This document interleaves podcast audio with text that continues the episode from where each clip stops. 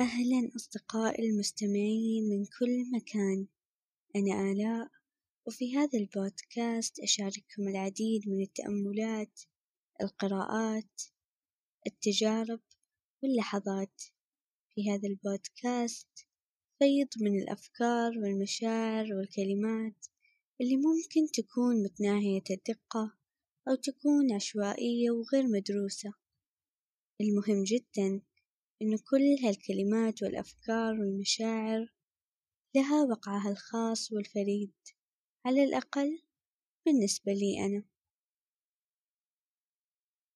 ساعات طويلة كنت أقضيها بصحبة القرآن، بحكم إني ختمته قررت أختبره في أحد معاهد مكة، وعشان هذا الاختبار كنت أحفظ القرآن وأراجعه لساعات طويلة، وهذا الشي كان لعدة أيام وشهور، خلال ذيك الفترة سمعت أخبار عن انتشار فيروس في الصين، في البداية ما كنت مهتمة أبدا بهذا الفيروس، كنت أقول بيني وبين نفسي وين الصين وين إحنا؟ لكن مع مرور الأيام بدأ هذا الفيروس ينتشر بشكل غريب، لين سمعنا عن أول حالة في المملكة، ومع مرور الوقت جا اليوم المنتظر يوم الاختبار الرابع عشر من شهر رجب، لكن في هذاك اليوم تم إعلان إنه سيتم تعليق الدراسة إلى أجل غير مسمى، وتم تأجيل اختباري أيضا إلى أجل غير مسمى، كان وقع هذا الخبر ثقيل جدا، وعشان هالشي كنت أعتبر هذا الفيروس مثله مثل أي ضيف ممكن يزورنا، لكن ضيف ثقيل جدا وما حد يبيه. declared a national emergency in connection with the coronavirus pandemic. فقد تقرر تعليق الدراسة مؤقتا في جميع مناطق ومحافظات المملكة ها هي اليوم تعلن حالة الطوارئ على نطاق دولي لمواجهة تفشي هذا الفيروس. Story we're following this morning. Canada has recorded a 10th case of COVID 19 presumptive at this point. ورغم إن هالضيف كان ثقيل جدا علينا، إلا أنه كان حامل معه الكثير من الهدايا، كانت عبارة عن دروس وعبر من المفترض إننا نعيشها ونستشعرها خلال وجوده معنا، واللي راح أشارككم بعضها خلال هالحلقة. في المرحلة الإبتدائية تعرفت على لما، لما اللي كانت صديقتي خلال ذيك الفترة، واللي كان ما يفصلني عن بيتها إلا كم خطوة، لأننا كنا نسكن مع بعض في نفس الحي.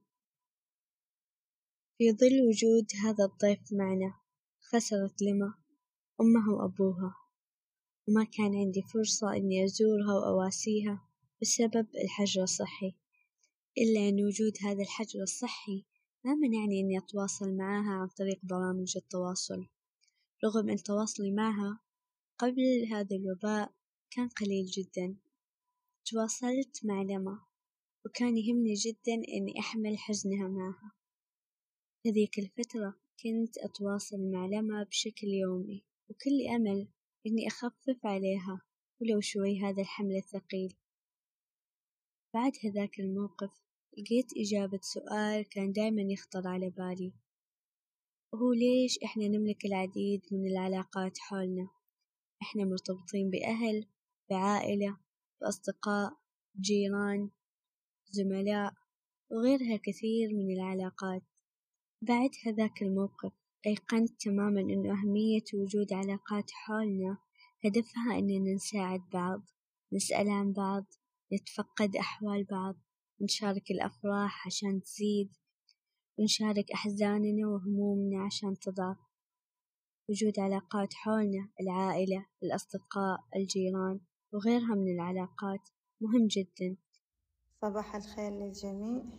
اليوم إن شاء الله راح أحكي لكم إني أنا كيف تجاوزت الألم والتعب النفسي اللي كنت فيه بسبب فقد غالي علي على روحي وقطعة من قلبي اللي هو زوجي رحمه الله. تجاوزتها طبعا بوقفة الأصحاب الأهل أولا وأخيرا آه وقفة الأصحاب وقفة الطالبات. الكل يسأل عني الكل يهتم فيني الكل كان يزورني والكل كان يسأل عني برسائل واللي تصبح علي واللي يرسل شي حلو ليا واللي يزورني. مرت أربع شهور وعشر أيام وأنا كل يوم في اتصال جميل أو رسالة جميلة أو دعوة جميلة لي ولزوجي ولأولادي وإما زيارة حلوة خفيفة. من الأهل الأقارب الأرحام الزميلات الطالبات صراحة وقفوا معي وقفة من أول يوم لآخر يوم. يعني خلوك تتجاوزي هذه المحنة بكلهم. في بعض الأحيان وبسبب علاقات سامة وغير ناجحة نتمنى لو إننا نعيش في جزيرة أو نسافر المريخ إلا أنه هذا الشيء غير ممكن لأن الإنسان بطبيعته كائن اجتماعي. وفي هرم ماسلو للحاجات وجود علاقات اجتماعية في المرتبة الثالثة وهذا الشيء يدل على أننا بحاجة لعلاقاتنا الاجتماعية.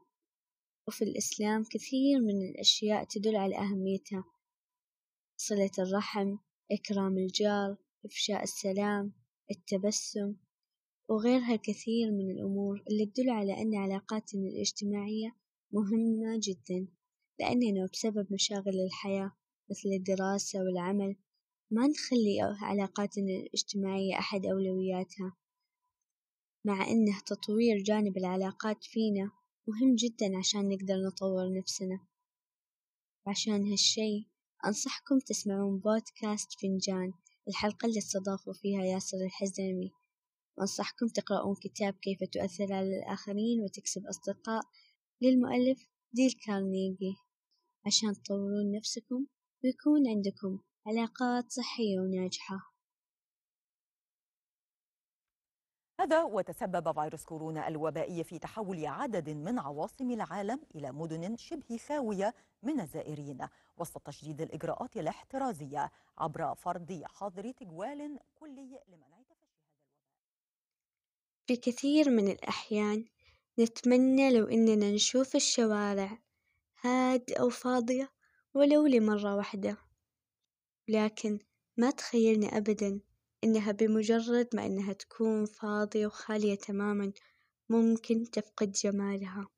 الأشجار على جنبات الشوارع الحدائق المساجد وكل الجمال اللي ممكن نشوفه ممكن يتحول إلى شيء إحنا ما نبيه.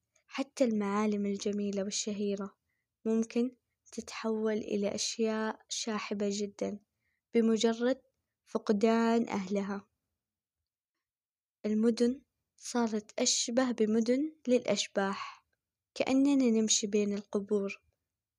في النهاية صياح البائعين بكاء الأطفال ضحكات الشباب وصرخات الأمهات وجدال الأصدقاء كان يكسب المدن حياة. كانوا الناس مثل الروح. هذا المرض بين لنا أهمية وجود الناس في حياتنا سواء كانوا هدول الناس نعرفهم أو ما نعرفهم تربطنا فيهم علاقة أو ما تربطنا. وجودنا كبشر على هذا الكوكب مهم جدا يعطي لهذا الكوكب نبض وحياة وجمال. Officials believe COVID 19 originated in animals sold in a so called wet market in China. In fact, researchers أسواق في الصين تدعى بال wet market. كانت سبب أو مصدر وجود هذا الوباء. في ال wet market راح تلقون كل أنواع الحيوانات قطط كلاب خفافيش وغيرها من الحيوانات وفيها يتم الإساءة إليهم. ضربهم قتلهم بطرق وحشية. في أحد مقاطع أحمد الشقيري سمى هذه التصرفات العنيفة أو الوحشية من قبل الناس بالطغيان والمقصود بالطغيان أو أن الإنسان يطغى هو أنه يتجاوز الحد يتجاوز الحد في التعامل مع الحيوانات البيئة الموارد وغيرها الكثير من الأشياء واللي تسبب ردة فعل عكسية علينا. ردة فعل عكسية مثل أوبئة أمراض كوارث وفيات وكل هذا الشي بسبب تصرف خاطئ أو تجاوز حد من الإنسان.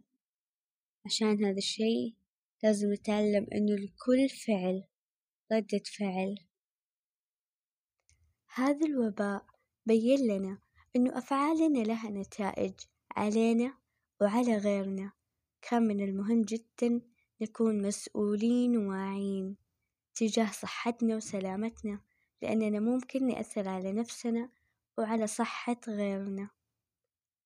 لأنه بسبب هذا الوباء كان هناك العديد من الجنائز موتى بدون ما يودعوهم أهاليهم. حالات حرجة بدون ما تلقى أي مكان في مصالح الإنعاش. كانوا الأطباء والممرضين ما يمديهم يسعفون مرضاهم إلا بعد ما يلبسون معدات الحماية. كانوا المرضى بدون أي مرافقين. كانوا الفقراء يعانون من تدهور الاقتصاد فما يلقون لقمة العيش. كانوا يلقون نفسهم بين مطرقة الفقر وسندان الوباء. بسبب الوباء تحطمت آمال كثير من الشباب في ظل أزمة عالمية. فكان من المهم جدا إننا نلبس كمامة نحافظ على مسافة نغسل أيدينا عشان نحافظ على صحتنا وسلامتنا وسلامة أحبائنا وأهالينا. كان من المهم جدا نفهم إنه أفعالنا لها نتائج راح نشوفها في نفسنا وفي غيرنا. بغض النظر عن الأمور اللي تؤمنون فيها. هذا القانون يعتبر قانون كوني زي قانون الجاذبية.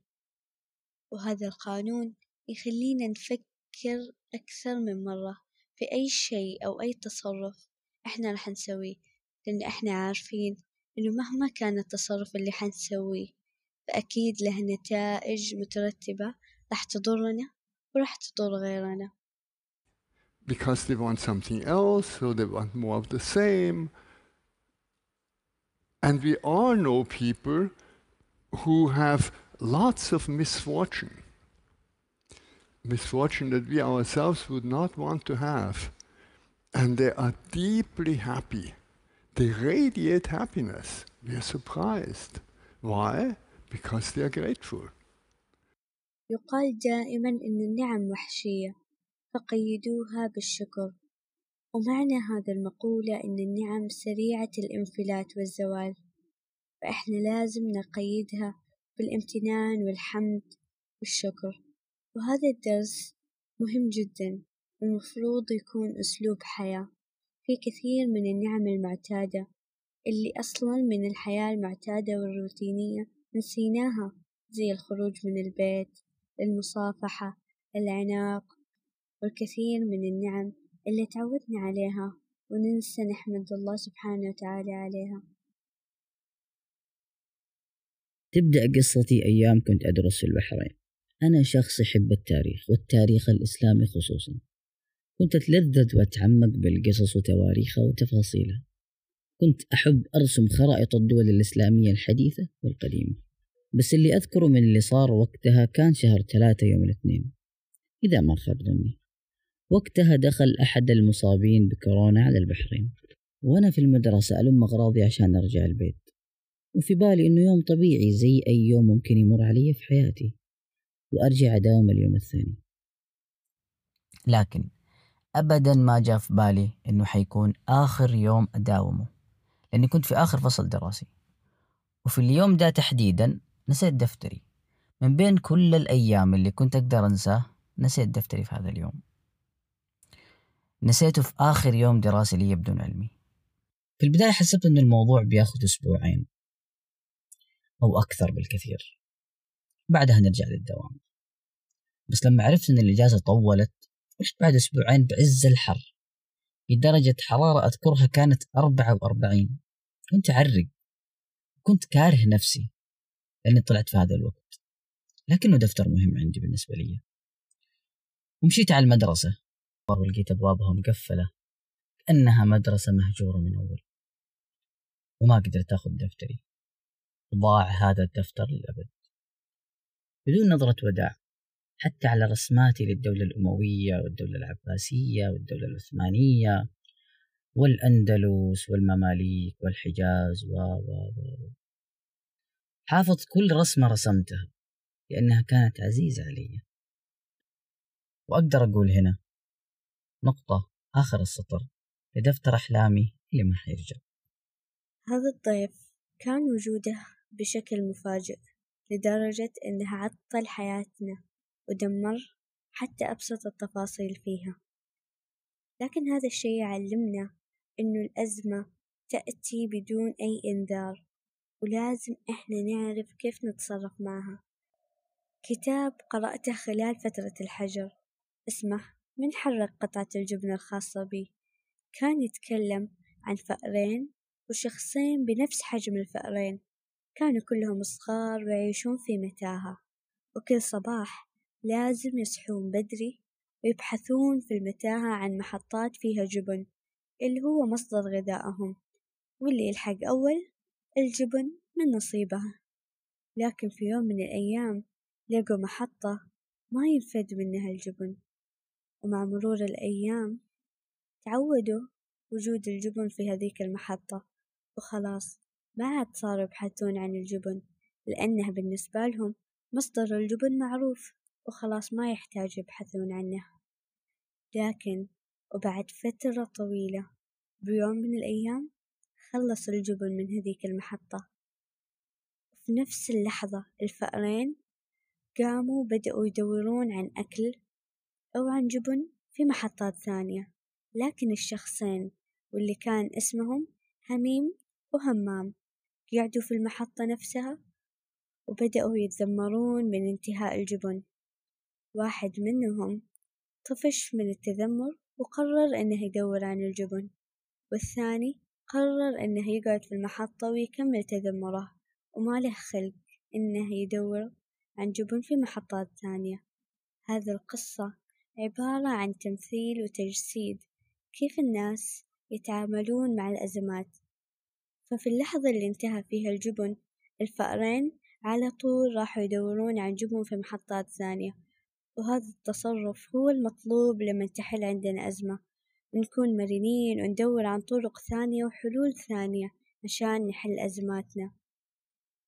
والنوع الثاني هو الشخص اللي تدمر لفترة وبعدها قرر إنه يبحث عن جبن وهذا تجسيد لمقولة أن تصل متأخرا خير من أن لا تصل.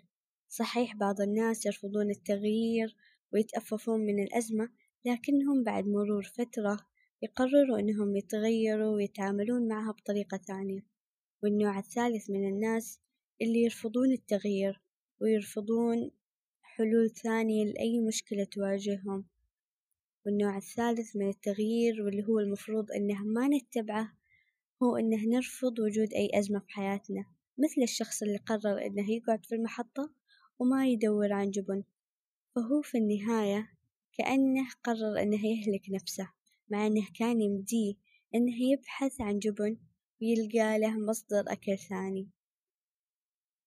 وجود الأزمات في حياتنا يوصلنا لآخر درس في حلقة اليوم. وهو مبدأ إن مع العسر يسرا. سلاح الإنسان وقت الأزمات الصبر ووقود الصبر هو التفاؤل. دائما نكون متفائلين متيقنين بمبدأ إن مع العسر يسر لازم نكون متأكدين إنه الأزمة أو المشكلة أو المحنة مهما كانت راح تمضي وأكيد لها موعد وراح تزول. ولكن هذا الشيء ما يمنعنا إننا نخاف ونقلق بالعكس أحيانا يكون في قلق صحي زي مثلا في هذا الوباء. القلق الصحي كان إننا نتخذ الإجراءات ونتبع التعليمات عشان نقي نفسنا من هذا المرض. لكن القلق الغير صحي لما يتحول إلى اكتئاب وتشاؤم وهلع وخوف غير ضروري. لازم نكون متأكدين شعوريا وفكريا بهذا المبدأ مبدأ إن مع العسر يسر ونعرف إن الأزمات مهما كانت راح تمر وتمضي. أخيرا رغم إن هالضيف كان معه الكثير من الهدايا والدروس اللي استفدنا منها وتعلمنا منها إلا إنه يبقى ضيف غير مرغوب فيه ومر على مغادرة هذا الضيف أكثر من سنتين. وأتمنى فعلا إنه يكون هذا اللقاء آخر لقاء مع هذا الضيف.